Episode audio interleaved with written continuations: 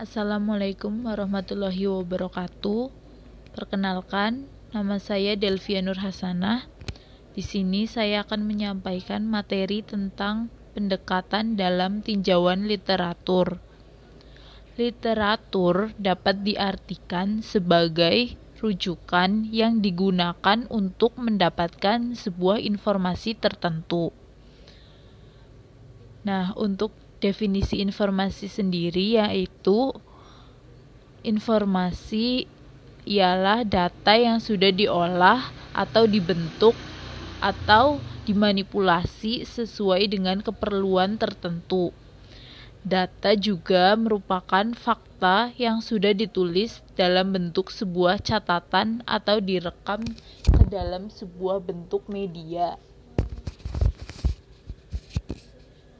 Ada tiga faktor pada saat seseorang membutuhkan informasi.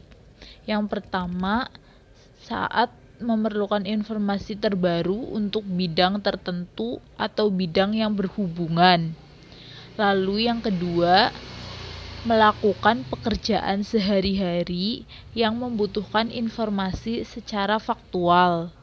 Yang ketiga, menyelesaikan suatu masalah atau proyek.